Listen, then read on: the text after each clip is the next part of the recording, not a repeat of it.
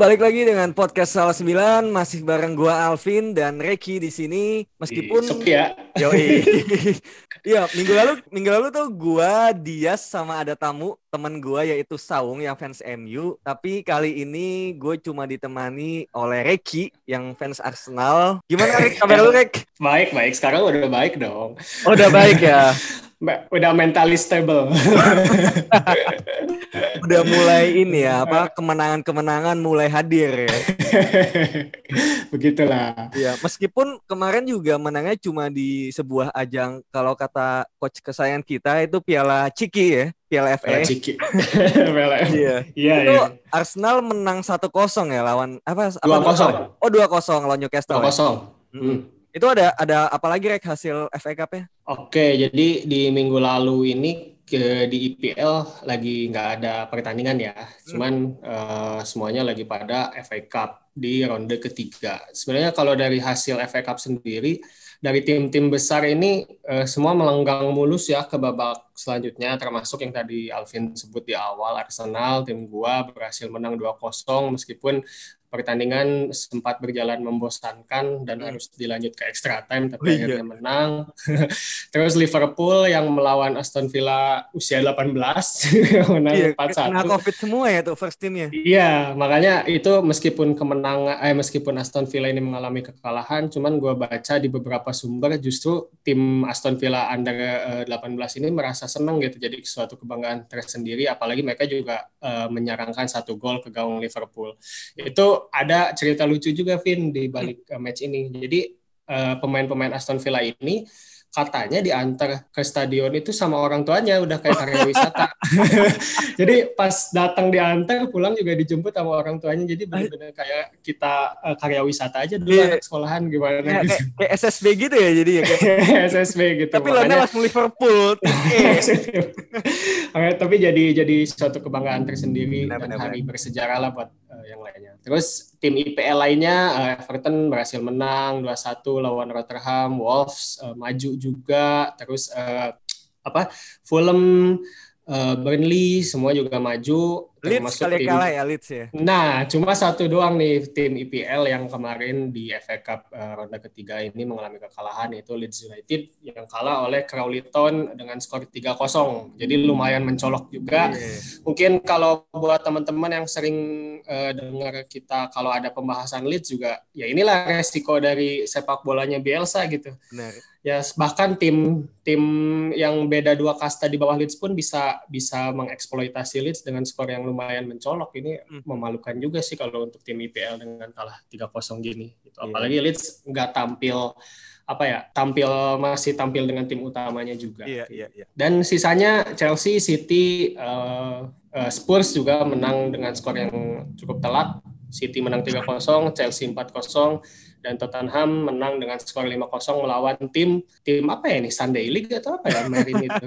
Jadi ini juga lucu karena si Marin ini sampai eh, apa mau sempat bubar dulu timnya gitu karena udah nggak ada kompetisi tapi karena dia lawan Spurs timnya ini dibentuk lagi dipanggil lagi pemain-pemainnya dan dibikin eh, semacam kalau gue sih ngelihatnya kayak donasi ya Iya, iya, iya. judulnya sih tiket virtual gitu cuman jatuhnya lebih ke donasi dan Hmm. mereka mengumpulkan uang dari match tersebut eh, ya walaupun kalah tapi menjadi menjadi kebanggaan juga lah. Sama Benar, kayak pemain-pemain Aston Villa tadi. Benar, benar. Dan itu dari itu si stadionnya siapa? Marin itu Hmm. Benar-benar deketan banget ya sama rumah warga itu satu-satunya.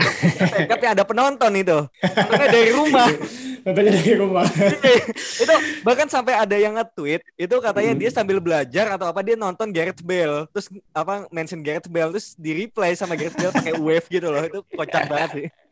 Ya dan ini sih sebenarnya meskipun orang-orang mungkin ngelihatnya eh, FA Cup ini kayak piala piala ini gitu ya piala ciki dan sebutan-sebutan lainnya. Cuman kalau gue tuh selalu ngelihat F- di FA Cup ini selalu ada yang seru gitu loh dari tiap tahun. Jadi selalu aja ada tim-tim kecil yang punya cerita ya kayak tahun ini mungkin ada Marin dan Crawley Town yang tadi berhasil menang 3-0 gitu. Kalau dibanding dengan piala yang satunya lagi Carabao gitu si FA Cup ini kadang lebih punya banyak cerita dan jadi kebanggaan buat tim-tim yang di luar IPL gitu. Kayaknya tim IPL yang membanggakan FA Cup ini ini emang cuma Arsenal sih. Iya iya. Karena kalau kalau tim yang apa namanya kompetisi satunya lagi ya yang uh, ada logo kerbaunya ya.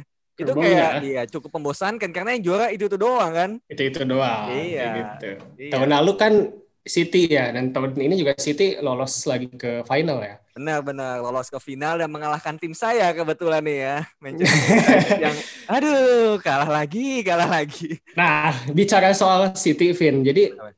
Sebenarnya di kita ini kan eh, kalau bahas gitu ya, kadang kita eh, selalu ngebahas tim-tim yang emang secara eh, pertandingannya mencolok gitu. Let's say kayak Liverpool kalah 7-2 atau misalnya Arsenal yang kemarin trennya trennya lagi jelek banget atau Hmm. MU juga yang tiba-tiba jadi konsisten banget. Sebenarnya Manchester City itu menjadi salah satu tim yang menurut gua pribadi ya, gua agak kurang eh, memperhatikan tahu-tahu nih si City ini ternyata ada di klasemen yang eh, masuk lima besar gitu. Iya, iya. Jadi dia itu diam nggak kelihatan aja gitu. Dia menang juga jarang menang yang emang skornya mencolok atau ketika ada big match pun dengan MU kayak contoh kemarin skornya kosong-kosong gitu Iya. pertandingannya kurang seru. Tapi diem-diem itu ternyata City jadi salah satu titel contender gitu. Apalagi sekarang mereka menabung eh, tiga pertandingan gitu. Yang mana Dua, kalau dua. kita Dua beda. dua ya. Dua ya. Kalau kita kalau kita asumsi eh, mereka menang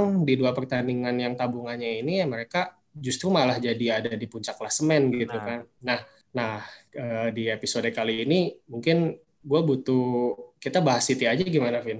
Benar, benar, boleh, boleh. Kita coba kulik ya. Ini City kenapa nih ya? Dari Mm-mm. awal musim sempat agak terombang ambing kan, apalagi habis kalah Mm. lawan Leicester 5-3, terus sekarang udah udah mulai ke jalur yang sebenarnya nih ya.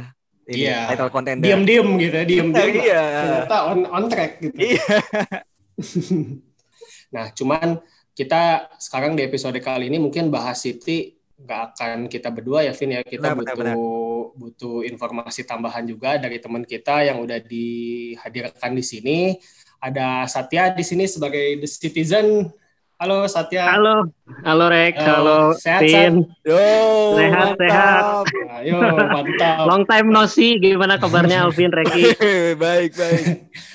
Baik, baik. Langsung ya dari Etihad Stadium kita panggil. Langsung ini dari Tiat Stadium. Dari Etihad udah di sebelahnya Pep ya, penggantinya Arteta.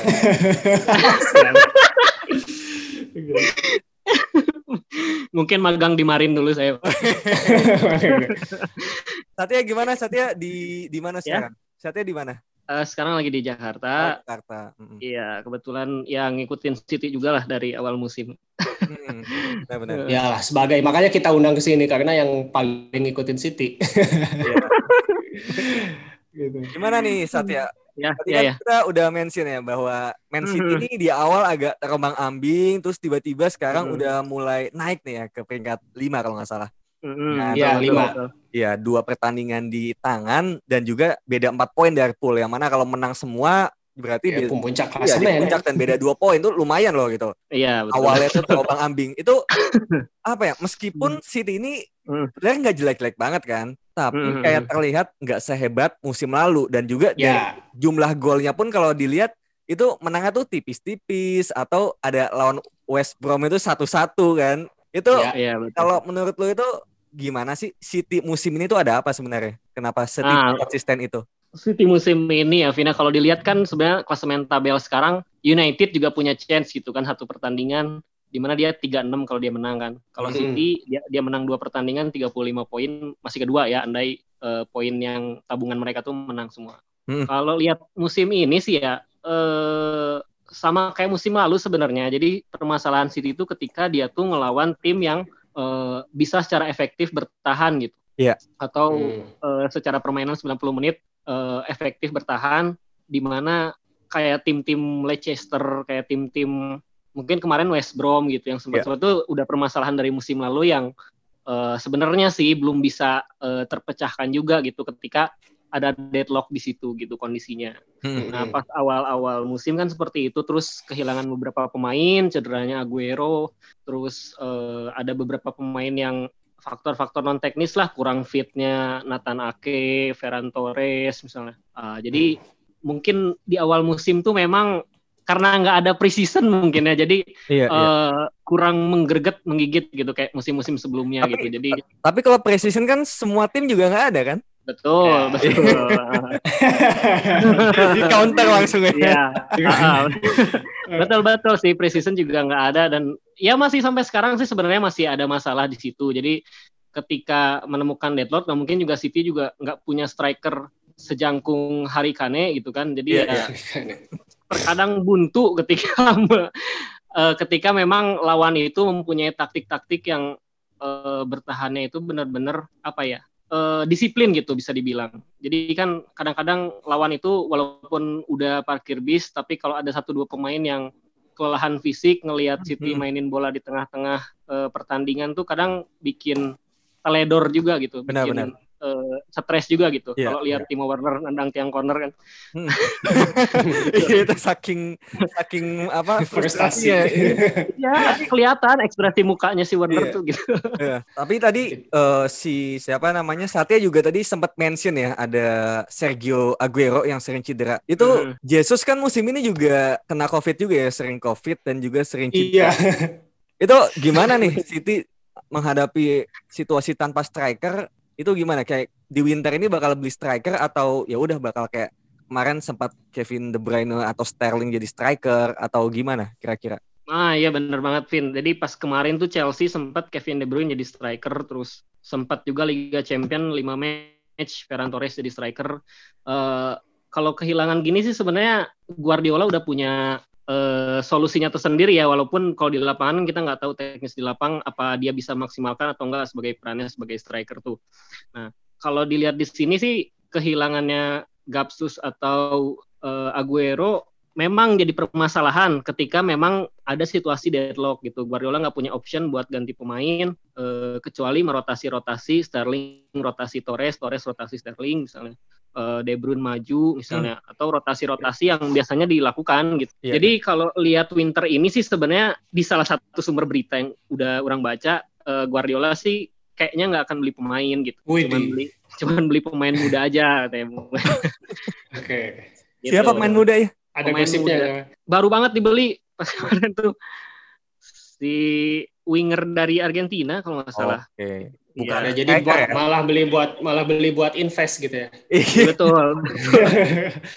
Jadi memang ada ada betulnya sih tadi yang Satya bilang terkait eh, pertahanan-pertahanan eh, musuh di City sekarang sebenarnya bukan bukan cuma musuh yang menghadapi City ya, cuman kalau gue lihat eh, di musim ini tuh seluruh tim gitu dari tim yang di pertama sampai tim terakhir di posisi 20 bahkan ada peningkatan dalam segi tactical defending gitu nggak tahu Hmm. kenapa nggak tahu musim gue lihatnya sih musim ini gitu ya Iya.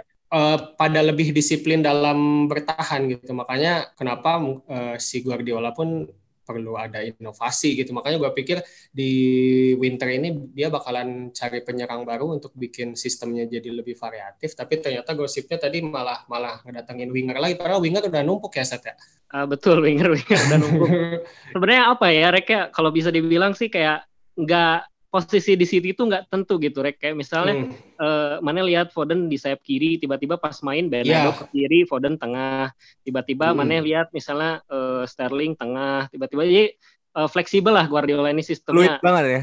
briefingnya tuh ya benar-benar briefingnya tuh memang udah ada sistemnya gitu per menit per berapa menit gitu gitulah pokoknya jadi kayak misalnya kalau misalnya eh, kita lihat City secara sistem atau di TV atau di mana formasinya 4-2-3-1 4-3-3 secara teknis pun kadang eh, fleksibel jadi 3-2 2-3 misalnya Mhm, Iya iya iya. secara teknis di lapang ya Benar-benar. Tadi tadi juga apa namanya menyambung sama statementnya Reki yang mana musim ini tuh banyak inovasi yang dilakukan sama Guardiola. Itu juga gue gue sering kali melihat sekarang itu Pep sering pakai formasi 4-2-3-1 yang mana pastinya ya. Tadi juga dibilang Mas Satya di lapangan juga implementasinya nggak selalu seperti itu.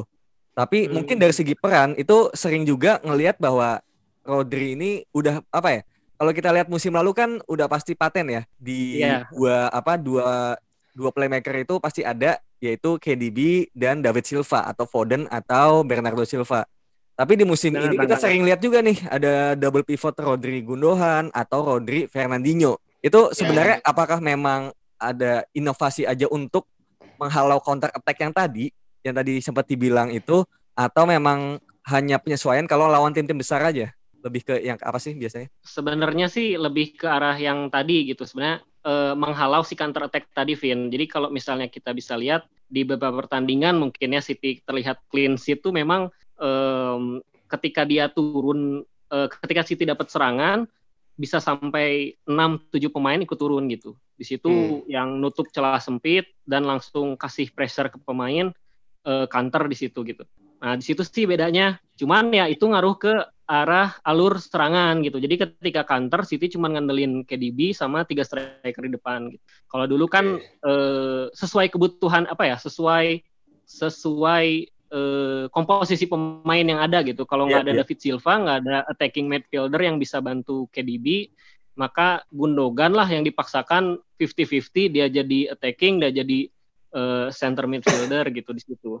Mm-hmm. Dan perannya sih uh, benar-benar apa ya? Mungkin musim ini sih bisa dibilang upgrade lah uh, peran Rodri itu nggak selabil musim lalu mungkin masih yeah, iya. adaptasi yeah. sistem, Cancelo masih adaptasi sistem, terus uh, ya Gundogan sama Rodri bakal di forsir sih pasti atau Fernandinho gitu sih. Mm-hmm.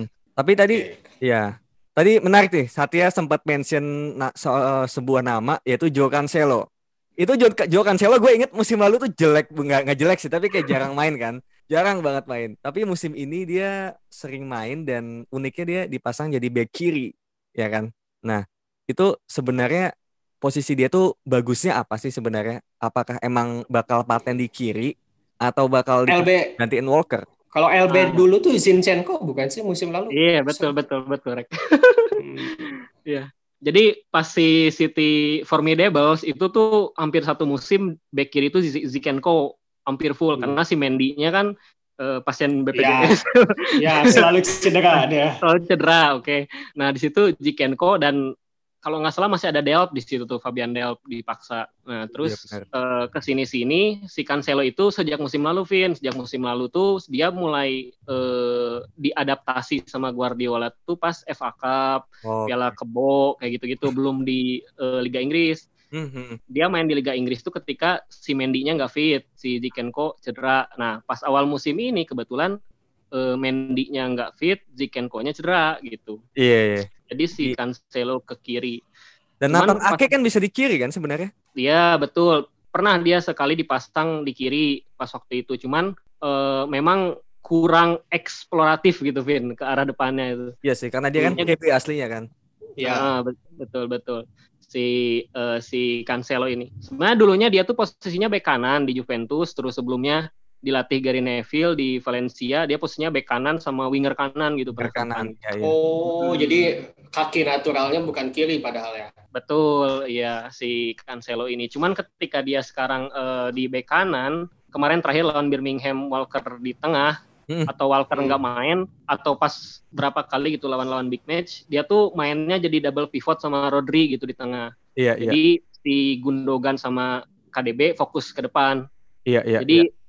Enam enam pemain tengah ini lebih menguasai permainan lagi gitu lebih smooth iya. lah bola-bola Nah ini gitu nih Guardiola tuh, Guardiola tuh kayak gini nih, jadi menariknya gitu. Nah jadi uh, di beberapa tahun terakhir juga berarti si Pep ini kan banyak banyak uh, kalau bisa dibilang ya banyak yeah. invest di back gitu ya ya katakanlah yeah. musim ini mendatangkan Nathan Ake gitu terus di musim-musim sebelumnya ada John Stones Otamendi pun sebenarnya bagian dari back uh, back mahal salah satu back mahal yang saat itu dibeli sama Pep gitu. Cuman emang harusnya si Pep ini beneran invest di back apa di di tengah kira-kira satu hmm. kalau sebenarnya sih ya uh, invest secara back tuh kan sebenarnya sebelumnya mereka punya uh, company gitu kan di yeah. situ. Terus uh, company cabut ke Anderlecht mereka uh, belum menemu musim lalu Fernandinho paksa back tengah. Akhirnya yeah. banyak uh, bolong di situ gitu kan. Dan sekarang tuh mulai invest lagi Ruben Dias gitu. Ruben Dias. Uh, tadinya sih jadi solusi tembok pengganti company gitu di situ awal musim tuh. Nah, awalnya kan ngincer-ngincer banyak back tuh. Julius Konde, Diego Carlos, Oli Bali, Oli Bali gitu kan. Uh, juta itu mahal banget ya, gila. Ya, udah hampir uh, invest sejauh ini ya, udah hampir invest berapa ya 400 juta pound sterling Iya, enggak enggak enggak enggak ini City itu kalau udah ngeluarin duit buat back enggak enggak kira-kira Iya, gitu nggak tanggung-tanggung. bisa bisa. Stone Nah, tapi kalau buat- 50 kan? Heeh. Nah, yang gua nggak ngerti tadi ya yang dibahas sama Alvin sama Satya sebelumnya Hmm. counter attack City ini ya salah satu kelemahannya justru karena di lini tengahnya gitu yang tadi mungkin Satya yang bilang Hmm. eh, jadi salah satu celah eh, City gampang di counter attack itu malah di Hmm. tengahnya gitu makanya double pivotnya dise- disesuaikan sesuai kebutuhan gitu yang tadi Alvin bilang kadang Rodri Gundogan atau Rodri Fernandinho dan sebagainya. Hmm. gitu. Nah, jadi Betul, invest yang tadi udah sekian ratus juta itu menurut Satya eh, berhasil apa gimana? Sebenarnya gini ya, kalau bicara invest besar juga ya kalau mau subjektif mah tim-tim lain juga besar gitu ya beli-beli pemain Hmm. tuh uangnya gitu ya cukup mahal. Chelsea Kita tahu contohnya. ya, Virgil van Dijk, kita tahu Harry Maguire gitu kan. Chelsea. disebut-sebut nih Maguire. Sebut. Back-back lain juga kan eh, cukup mahal lah gitu bisa dibilang kayak gitu dan Hmm. nggak semua berhasil sih boleh jujur kayak eh, Mendy gitu kan kayak yang nggak ya. dia dibeli mahal tapi main nggak full gitu kan. Misalnya nggak maksimal semusim itu gitu. Nah kalau si Ruben Dias ini kan memang di invest ini ya kalau secara hitung-hitungan dia mahal. Misalnya dia dibeli 62 sampai 65 juta pounds. Tapi kan secara umur dia masih 23 tahun dan mungkin punya potensi 10 tahun di City kan. Kalau di breakdown eh, value-nya kan ya ke inilah gitu kalau misalnya dia perform maksimal gitu. Nah Ya. kalau yang tadi kata Reki tadi yang eh, soal counter itu mungkin ya Rek ya eh, dari secara analisa orang di musim ini Guardiola nempatin double pivot tuh mungkin mengatasi itu mungkin usaha mengatasi Hmm. itu kayaknya sih seperti itu. Jadi kasihan ke si KDB sih ketika dia mau nyerang tuh memang bener-bener tumpuan dan di Iya, posisi iya, habis ha, gitu. ha. nggak ada nggak ada eh, pasangannya Silva gitu di sebelahnya Eh, gitu. Iya, iya. Awalnya orang expect Bernardo bakal ngisi di situ, cuman eh, ya itulah Guardiola kadang penuh eh, apa ya kreasi yang aneh-aneh. kejutan. Kejutan ya betul. Iya, termasuk ya di posisi back juga kadang di pasangannya Dias ini diubah-ubah kan kadang gue lihat Dias sama eh, Ake, kadang Dias sama kemarin sama John Stones gitu, terus Dias sama Eric Garcia. Eric Garcia juga kan udah udah dijual ya. Ya Barcelona. mau mau ke Barcelona ya Iya. ini. Tapi sayangnya si, Iya sih. si siapa? Hmm. Aymeric Laporte ini cedera ya sekarang ya? Nah, Laporte juga kan. Iya, sekarang. Iya. Berapa lagi tuh harganya tuh? jujur jujur ya ini awal expect orang tuh dia Laporte sebenarnya Twin Dias Tower. Laporte. Heeh, karena kan Lapor punya kaki kiri kan ya. Ya, Terus kayak- ya punya fighting spirit juga. Kalau si Dias ini kan orang tuh inget banget se apa ya, Vin ya mungkin mana fans MU tau lah se kepala pun jadilah buat intercept gitu loh kayak Iya, iya, iya. gitu. Bener, ada bahan-bahan ke sana. Iya, ada iya. bahan ke sana tapi jangan expect terlalu tinggi lah belum baru juga setengah musim gitu. Iya, iya. Oke. Apa Jadi ya, kalau- itulah. Heeh, kalau gua ini jadi kayak ada sebuah komentar dari Pep Guardiola. Jadi si Ruben Dias ini benar-benar katanya profesional banget.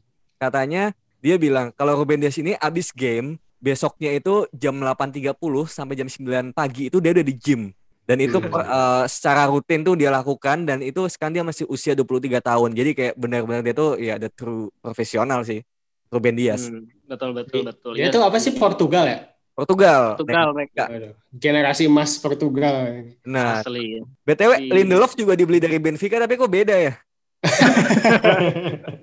Dia tuh Sama back kanan sama. kalau nggak salah, Pin. Siapa? Enggak ya? Lindelof tuh kan back sayap dulu ya. Back tengah, back tengah. Back, back tengah Oh, back tengah. Udah enak, udah enak kok sekarang, tenang aja. Iya. Oke, Iya. jadi back barisan back Ci- City masih ini ya, masih kalau nggak cedera sih harusnya berarti dia sama Laporte berarti ya. Kalau Iya sih sebenarnya si ininya. Termasuk back sayapnya juga back sayap berarti kayaknya sekarang saat setengah musim ke depan eh, Guardiola bakalan ngan, tetap ngandelin Cancelo berarti saat Buat back kiri. Nah, Hmm, pas awal back kiri. musim tuh Rek, ketika orang analisa awal musim ngikutin City di musim ini tuh dia masih masang Walker sebenarnya Rek.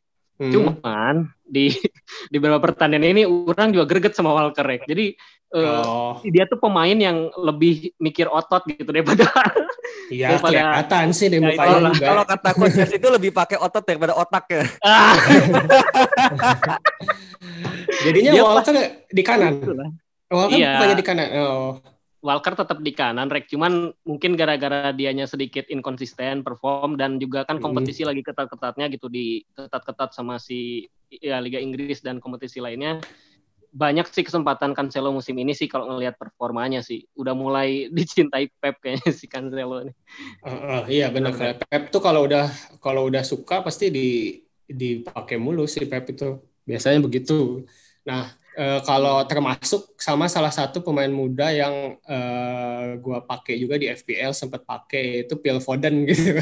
Jadi awal-awal dari awal emang kalau uh, gua lihat Phil Foden ini kan salah satu pemain muda yang berpotensi gitu. Dia udah sering dipanggil di timnas Inggris dan uh, penam penampilannya juga cukup konsisten kalau dia main gitu dan sekarang baru main reguler lagi gitu.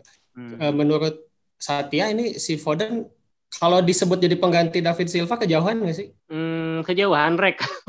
Oh, kejauhan. Gitu, dia tuh apa ya namanya Guardiola gitu dengan pemain seadanya nggak ada striker katakanlah ya kondisinya. Jadi ya itulah fleksibilitas ini yang buat Foden ini belum punya posisi paten gitu. Sebenarnya dia tuh mau dimain di mana gitu.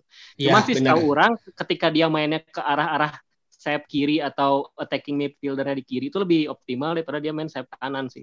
Hmm, Jadi ya, ya, beberapa kali dia oh, bisa ya, ya. insight, dia bisa ya. ngasih, dia bisa apa gitu. Ya nah, mungkin bener, kalau bener. Alvin sendiri gitu sebagai fans MU tahulah perkembangannya Mason Greenwood kayak apa kan mirip lah gitu. Cuman mungkin sekarang-sekarang kesempatan Foden lebih besar untuk main gitu. Iya si Foden itu kan sama Greenwood juga kemarin yang ada kasus di timnas Inggris di awal musim itu kan oh, yang iya, yang katanya bawa cewek, bawa cewek. Oh, jadi, jadi posisi Foden itu di City justru malah belum ini ya, belum paten ya. Iya, Rek, karena kayak per nggak tahu sih ya analisa orang kayak per 15 menit tuh kadang Bernardo Silva pindah yeah, ke yeah. kiri, Foden tarik ke sebelah KDB gitu. Itulah yang bikin ininya. Emang sih expect-nya orang-orang uh, penggantinya David Silva, mungkin secara mentor ya David Silva gitu pas dia David hmm. Silva masih ada. Cuman secara kebutuhan tim sekarang ya Guardiola ingin mengeksplor Foden tuh optimalnya bisa di mana aja kayaknya nanti dia bakal tahu di akhir musim kayak gitu. Benar-benar di di jadi gini di episode awal-awal salah sembilan ya kayak pas kita masih ini rek masih numpang di podcast sebelah. Jadi oh, kita iya. pernah ini pernah kayak prediksi tiga pemain yang bakal bersinar di musim ini. Gue masih inget tuh Agi prediksinya Ferran Torres, kalau Reiki sendiri kalau misalnya Martial ya, yang mana sekarang malah ngedrop banget. malah ngedrop. Iya, iya. Iya, dan di situ gue gue jawabnya Phil Foden gitu. Sesimpel karena gue yakin mm. di sini Man City ini tetap apa ya? Dari segi sistem membutuhkan dua playmaker, yaitu Kevin De Bruyne dan tadi kan David Silva kan. Tapi gue nggak tahu kenapa ngeliat Bernardo Silva ini lebih cocok di sayap dibandingkan di attacking midfield. Karena Bernardo itu kecenderungannya kayak kebanyakan dribble gitu kan menurut gue ya hmm. banding passingnya jadi gue pikir Foden bakal lebih bagus main di AM dan lagi waktu itu City nggak beli playmaker sama sekali ya siapa lagi yang dipakai gitu kan kalau nggak Foden pasti hmm. bakal sama si Gundogan bakal ganti-gantian kayak gitu sih dan ternyata yeah. ya cukup terbukti Foden bermain cukup reguler dan pas lawan MU kemarin bagus kok mainnya benar kata Satya main di kiri cut inside ke tengah dan dia bisa ngasih yeah. terupas-terupas di AM sih ya ininya ya. Kalau gue lihat juga si Foden ini salah satu atribut yang menurut gue jadi keunggulan Foden dibanding anak muda lainnya. Menurut gue si komposirnya gitu. Jadi kalau dia shoot atau pas itu kelihatan bukan shoot atau pas yang ngasal gitu loh. Jadi kayak emang uh, pakai otak aja gitu mainnya gitu si Foden ini. Makanya ketika dia tadi Satya bilang ditempatin bisa di kanan atau di kiri atau di tengah ya dia karena main pakai otak jadi ya jalan-jalan aja. Ini juga bakalan jadi salah satu keuntungan buat timnas Inggris sih nanti di Benar. ketika ada Euro atau World Cup gitu. Jadi selain Foden ya Greenwood sama Saka jadi salah jadi salah tiga pemain yang versatile gitu buat ditempatin di mana aja di AM yeah, yeah. gitu. Jack Grealish gimana Jack Grealish? Mudah-mudahan bisa Jack Grealish, oh, Jack Grealish. skillful but novice. kata-kata si itu ya. Kata-kata si coach panutan Alvin. Ini Gary Lineker yang bilang. Kalau Grilis itu di kiri gitu wide wide iya, playmaker dan emang benar. dan emang enaknya juga ngelihatnya udah paten nyisir dari kiri dan gue lihat uh, permainan yang Grilis di berapa tahun lalu lah pokoknya pas masih uh, nomor punggungnya tuh masih 40 berapa gitu juga ya, dia juga emang oh. udah ditempatinnya wide playmaker hmm. jadi ya enaknya sih si Foden ini kalau emang dari sekarang udah dipatenin di mana role-nya justru malah lebih bagus sih. Gue sih harapnya Pep bisa ngepatenin role-nya si Foden ini biar biar lebih ini aja, biar lebih biar lebih mantep gitu. Kalau takutnya kalau nggak jelas kayak gini kayak Theo Walcott ya. Iya, kayak Theo Walcott jadinya jatuhnya jadi kayak striker juga enggak. Heeh. dia per- pernah nuntut Wenger buat mainin striker, tahunya sekarang nggak berkembang berkembang juga. Itu emang kos kaki Grilis tuh setinggi itu ya. Style itu. Iya, itu, itu, itu ada ceritanya, ada ceritanya. Oh, apa Oh, gimana gimana? Jadi eh, gua Tulang pernah kering baca, pernah, pernah baca katanya di su- sebuah pertandingan waktu itu eh, dia kan dari akademi kalau nggak salah di Aston Villa ya dari Hmm. dari dia muda itu pernah sebuah pertandingan gue lupa ya ceritanya gimana tapi intinya di sebuah pertandingan itu dia pertama kali itu nyoba dengan kaos kaki kayak gitu nyo eh, kaos kaki pendek Hmm. kayak mungkin kayak based on feeling aja terus tiba-tiba di match itu dia main bagus terus cetak gol dan segala macam intinya membawa sebuah keberuntungan buat dia dan tim. oh. pada akhirnya ya udah ya klinik sih klinik banget ya itu Oh, Iya iya, musrik musrik lah. Rawan banget cedera soalnya Vin Iya, kena iya. sliding itu udah. Iya, kayak kemarin tapi emang kakinya lincah. si pemain Spurs kan Hoiberg itu kan dihajar tuh di FA Cup Oh, lihat ya yang sampai Iya, bolong gitu. iya, benar-benar. Mm. Mm. Dan kalau bahas Spurs ya itulah Hojbjerg sama si si Soko itu kerja keras. Ya, gitu. Jadi Foden setelah Foden mungkin eh, gua mau tanya ke yang pembelian City di musim ini itu jadi salah satu pemain muda terbaik juga musim lalu yaitu Ferran Torres gitu. Jadi Torres ini kan emang ya, ekspektasi cukup tinggi lah. Pertama harganya, kedua statusnya dia yang bisa dibilang salah satu pemain muda potensial gitu di musim lalu setelah di Liga Spanyol tuh ada sih yang pemain Atletico itu siapa Vin namanya? Eh, yang ya, dapat Felix, Golden Boy itu Joe Felix. Oh Felix, Felix. Nah, setelah Felix gitu Ferran Torres juga salah satu pemain yang berpotensi. Bisa disebut pengganti Leroy Sané apa gimana Sat? hmm, lagi-lagi sih orang bilang sih Rek ya se- sejauh orang lihat Hmm. Ferran Torres dengan ekspektasi orang sih belum sampai ekspektasi orang Rek gitu. Iya. Eh, secara kalau kita lihat dia perform maksimal sampai sekarang tuh di Liga Champions kalau kita tahu dia statistiknya berapa gol di Liga Champions tuh karena memang ya eh, bukan gimana ya tapi ketika positioning dia pas dia jadi striker tengah segitiga kotak gitu kan kalau di kalau di FIFA ya udah tinggal kotak aja gitu ibaratnya gitu terus Mhm. ketika dia nyisir di sisi kanan atau sisi kiri sih ya eh, skillfulnya belum keluar gitu rek kalau orang lihat Kayak Jadi masih- posisi posisinya tuh apa Sat kalau dipindah-pindah gitu dulunya? Ka- kalau Guardiola sih awal musim dia tuh expect-nya di sayap kanan, si Sterling ke kiri. Karena kan pas Hmm. Leroy Sané, Sané kiri, Sterling kanan. Nah, si Iya. Torres ini banyak di kanan, eh, kurang optimal. Pas dia kurang optimal, kebetulan si Gabi cedera, si Aguero-nya cedera gitu kan, endorse sana sini. Akhirnya si Torres ke tengah gitu. Akhirnya coba ke tengah, cukup optimal sih untuk satu gol se-match gitu kan. Maksudnya dia nggak ngegolin tapi ya ikut Hmm. eh, Kontribusi lah ya. Sterling lah, iyalah gitu kayak gitu. Tapi masih Cuman, di ini ya di cup-cup gitu aja ya. Iya, bener. Belum Kayak- reguler. dia tuh seumuran Foden gitu, sudah 20 tahun gitu kan. Iya, Seumuran seumuran. Foden.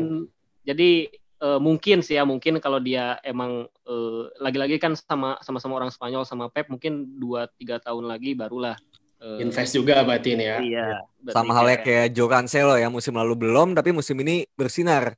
Iya, itu dia. Asli vital banget Joao Cancelo. Iya. iya. Ya, jadi ya pusing juga ya jadi Pep. Maksudnya pusing dalam tanda kutip punya banyak pemain yang bisa ditaruh di mana aja gitu. Tapi itu itu benar jadi sebuah kelebihan Man City Iya, dibandingkan tim kelebihan. lainnya. Iya, jadi kayak di situasi Covid sekarang kan banyak pemain yang mungkin ya harus kena kan, harus positif kayak kemarin City pas lawan MU tuh kehilangan enam pemain loh. Tapi Iya. kalau kita lihat dari permainan kayak nggak ada yang berubah. Jadi Iya. kayak gua ngeliat kayak wah ini keren sih City sih gitu. Eh, As a system mungkin udah Iya. di luar kepala mungkin ya pemainnya udah. 4 5 musim sama Pep. Tapi ngomongin ini saat apa namanya playmaker yang mendulang apa poin di FPL kita, Kevin De Bruyne musim lalu itu kan Oh, iya. kayak jadi apa ya sebuah seorang pemain yang pasti kita pasang kan Iya. Iya. karena kayaknya bakal ada garansi tiap match itu ada gol atau ada assist dari dia. Asis. Iya. Tapi musim ini kayaknya nggak sehebat itu sih Kevin De Bruyne. Malah menurut gua kayaknya dibandingkan Bruno Fernandes musim ini ya, kayak Bruno Fernandes masih sedikit di atasnya KDB. Itu Iya. ada nggak sih pengaruhnya sama pergantian taktik yang tadi yang 4-2-3-1 itu atau karena ya se- sesimpel depannya nggak ada yang bisa golin gitu. Jadi dia nggak kelihatan. Atau nggak ada David Silva. Iya, partnernya nggak ada.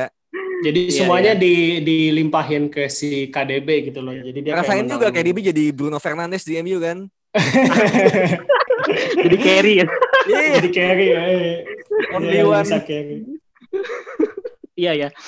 Iya Vin. Jadi sebenarnya gini, pas ketika Silva itu mau pensiun ya Vin ya kalau uh, orang amati dari musim lalu, setengah musim dari musim lalu itu David Silva udah mulai cadangan mayoritas matchnya dan itu tuh udah mulai gerak dua pivot tuh udah mulai dipasang dari situ. Mm-mm. Jadi kan di situ juga kelihatan lah awal-awal tengah musim tuh inkonsisten sampai eh, Liverpoolnya overpower, tinggalin poin, terus akhirnya runner up. Nah musim ini barulah dipraktekkan yang mungkin udah cukup berjalan, cuman eh, di arah depannya jadi kurang setajam musim-musim sebelumnya gitu. Mungkin kan nggak ada Sane, nggak ada Silva, eh, striker cedera, covid lah, apalah gitu.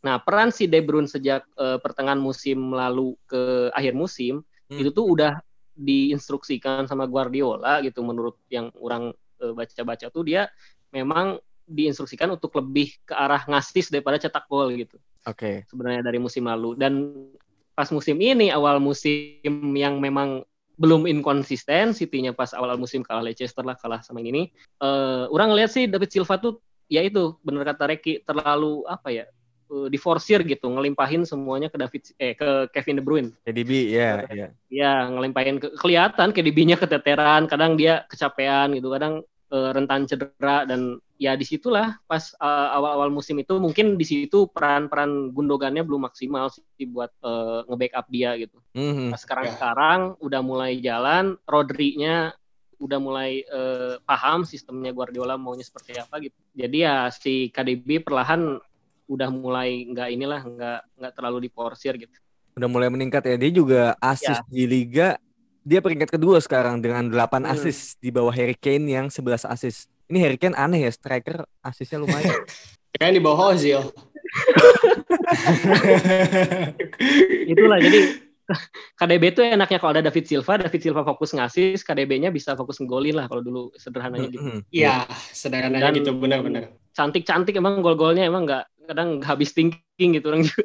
Emang Ya. itulah dengan itu Ya. kemarin. Karena kalau eh, ini sih perihal kalau gue nggak meragukan kemampuan KDB sebenarnya. Ini sih lebih ke perihal mental dan perihal gimana caranya melewatin itu selama eh, satu musim penuh. Plus Carabao Cup plus FA Cup plus Liga Champions gitu. Makanya pasti ya ada masanya si KDB juga nggak akan segarang musim lalu. Makanya siap-siap aja Vin. Bruno Fernandes juga kalau dipaksain terus sampai akhir musim.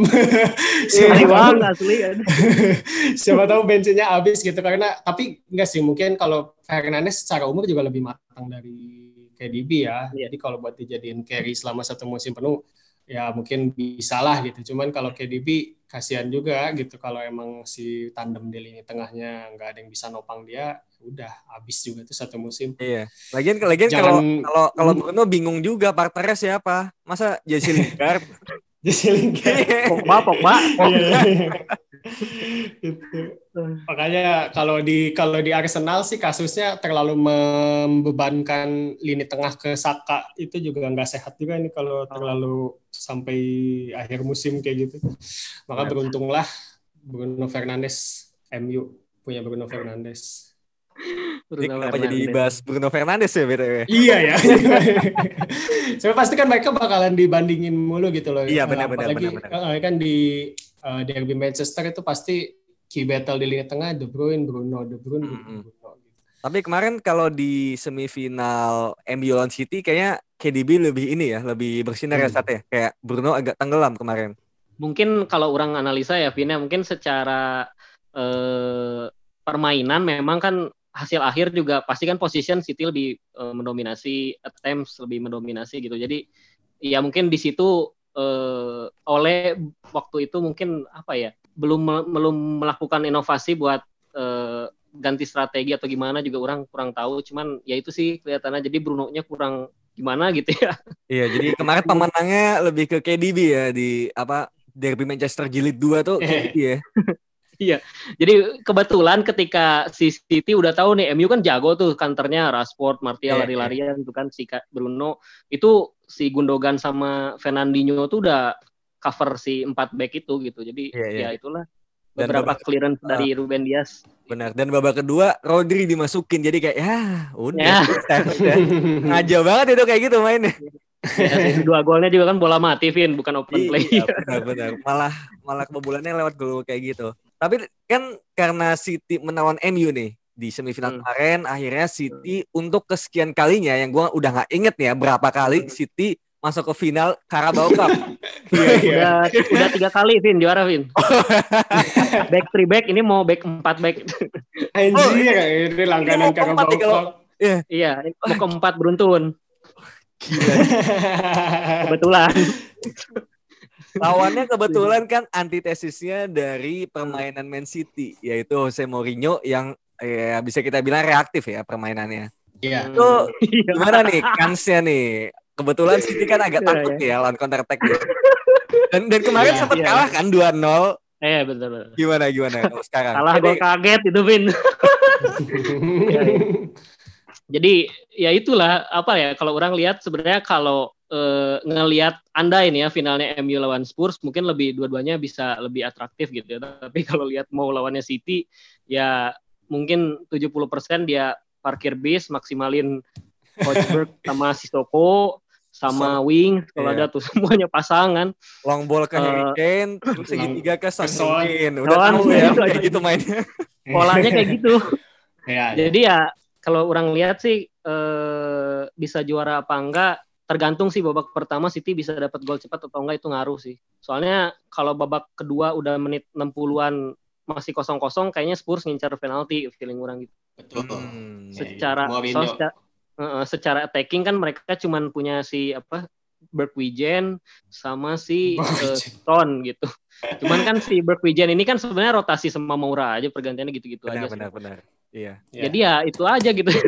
Soalnya greget Vin orang kalau lihat Spurs tuh kayak Mourinho dikasih pemain yang eh, punya potensi buat all out attack gitu. Uh-uh. Cuman sayang aja gitu Harry Kane depan gawang sendiri gitu, defense defense di Ya, ya, si Mourinho pengennya begitu, tapi eh, harus kita akui ya isi Iya. saat, saat ini itu yang efektif juga sih buat si efektif Mourinho. sih. Iya, buat Efektif City, gitu, benar. iya. Tapi gue Efektif tetap tetap berharap City aja lah yang menang lah biar si Spurs nggak dapat piala. Kalau kalau kalau gue malah pengen Spurs yang menang nih kayak gue lihat trofi pertama baru, ya. Jose Mourinho di Spurs itu kayak oh itu epic sih Eh. buat gue sih. Tapi emang kata katanya kan eh, Mourinho ini selalu bisa men- memberikan piala ke tim yang dia bela gitu Iya. setidaknya satu kan. Iya. Kayak MU juga waktu di MU dia dua menang ini kan. eh tiga tiga ada Community Shields terus Carabao juga waktu itu menang lawan Hmm. Southampton 3-2 sama Iya. Europa League lawan Ajax. Iya, seenggak-enggaknya Mourinho tuh kan pasti ngasih piala mulu gitu. Trofi ya. As a mental ya, as a mental final Mourinho udah sering lah gitu Inter Nah. Milan, dia bawa Porto, dia bawa Iya. pasti dia punya cara tersendiri melawan Iya, si Pep itu. Heeh. Jadi juara nggak Sat? Yakin nggak Ya. sebenarnya? Yakin lah juara. Iya lah. Carabao. Saya. Kalau Carabao ya. Kalau Carabao mungkin satu satu kosong lah buat City. Kalau Gitu. IPL Kalau IPL gimana? IPL gimana? Kalau IPL sih ya bukan gimana ya maksudnya optimis tapi tergantung Liverpool juga Liverpoolnya selabil apa musim ini. Kalau mereka eh, labil-labilan ya potensi lah buat juara karena kan eh, Arsenal lagi bangkit, Chelsea masih labil, mungkin sama MU, bisa Oh, saingan. iya. MU loh. Sama Masa MU lalu ya. Bukan bukan sama Liverpool doang loh sama MU loh ini Iya. jadi lebih mungkin bisa sama MU mungkin gitu ada orang. Orang sih ngelihatnya kayak gitu. Gue jadi Potensi potensi juara. Heeh. Cuman ya kayak match-match City Liverpool, MU Liverpool tuh menentukan sih. Week-week selanjutnya MU Liverpool. Iya. gue jadi ini saat merindukan momen-momen di musim 2011 2012. Wah. Wah, Iya. itu kalau diingat-ingat itu MU udah menang kan lawan lawan Iya, Sunderland 1-0. Gue udah wah, bro. juara. gue udah selebrasi loh itu. Iya. Pas Sunderland ya. di, di TV kayak Man City TV ternyata Balotelli udah ke depan Aguero, tiba-tiba Iya. Aguero. Wah, Gila itu emang itu emang epic sih itu sampai ke eh, laga ke berapa game week Terakhir. terakhir ya gitu. Game week terakhir ya. terakhir dan last minute itu. Iya last minute bener-bener itu em- emang udah anginnya buat eh, si Man City sih itu emang takdirnya udah juara gitu kan. Cuman kalau kayak Subasa. kalau gue lihat eh, Vin di musim ini kuncinya City maupun MU sebenarnya ada di dua pemain yang tadi kita sebutin di belakang sih. Kalau City ini ini sotoynya gue aja ya kalau Iya, emang iya, De iya. Bruyne kalau De Bruyne pahit-pahitnya mungkin cedera atau emang harus COVID misalnya gitu. Ya Hmm. City mungkin bisa bisa kejungkal gitu. Si Benar-benar. MU juga MU juga gitulah key playernya. Jadi dua dua klub Manchester ini key playernya ini yang dominan banget gitu. Jadinya kalau tadi Satya mungkin nyebutnya Liverpool nunggu Liverpool labil, sebenarnya dari pihak internalnya sendiri ini kalau misalnya si De Bruyne cedera menurut gua bisa jadi bumerang juga sih buat si Manchester City. Cuman harusnya sih si Pep dengan banyaknya pemain tadi yang bisa ditempatin di mana aja, harusnya udah bisa ada plan B sih harusnya ya gitu. Walaupun Benar, si- benar, benar. Benar-benar. Kalau ini pelan- terakhir, pelan. Iya terakhir Hmm. San. Kalau misalnya Champions League gimana nih? Ini kan ekspektasi ekspektasi akan juara Liga Champions kan tinggi banget ya ke Pep nih dia musim lalu. Jongkelnya lawan Lyon nih di semifinal. Itulah. Itu Pakai tiga dua dua tiga. Sterling depan gawang bisa-bisanya kayak gitu gimana? ya ya kalau kalau mana tahu Sterling lawan Chelsea kayak gimana orang aja greget itu depan Mendy aja kuta kuti kuta kuti Ya, Untung untung gue udah masih dapat momentumnya. Untung masih Ya. dapat. Momen momentumnya udah hilang itu pada kelamaan. tapi ya ya udah Kelamaan. udah gimana ya Vinnya udah habit sih kayak gitu emang Hmm. orangnya susah harus cantik gitu golnya gitu emang udah di Lurian. UCL lawan siapa sih? UCL lawan Gladbach, siapa? Gladbach. lawan Gladbach. Uh, si- Hmm. kemarin berhasil ngalahin Bayern dia. Yo, nggak tahu sih Vin tapi prediksi orang sih semifinal optimis final. Masuk lah ya. setidaknya Masuk semifinal. setidaknya ada progres dari perempat final lah ya gitu. Eh tapi musim lalu kan Semifinal. semifinal kan? perempat perempat Semifinal. Perem- Oh, perempat ya? jadi seminya tuh lawan Bayern kalau kemarin jadi gitu Oh, oh iya iya iya benar. Oh iya, benar, benar, benar, Lyon, benar. Bayern.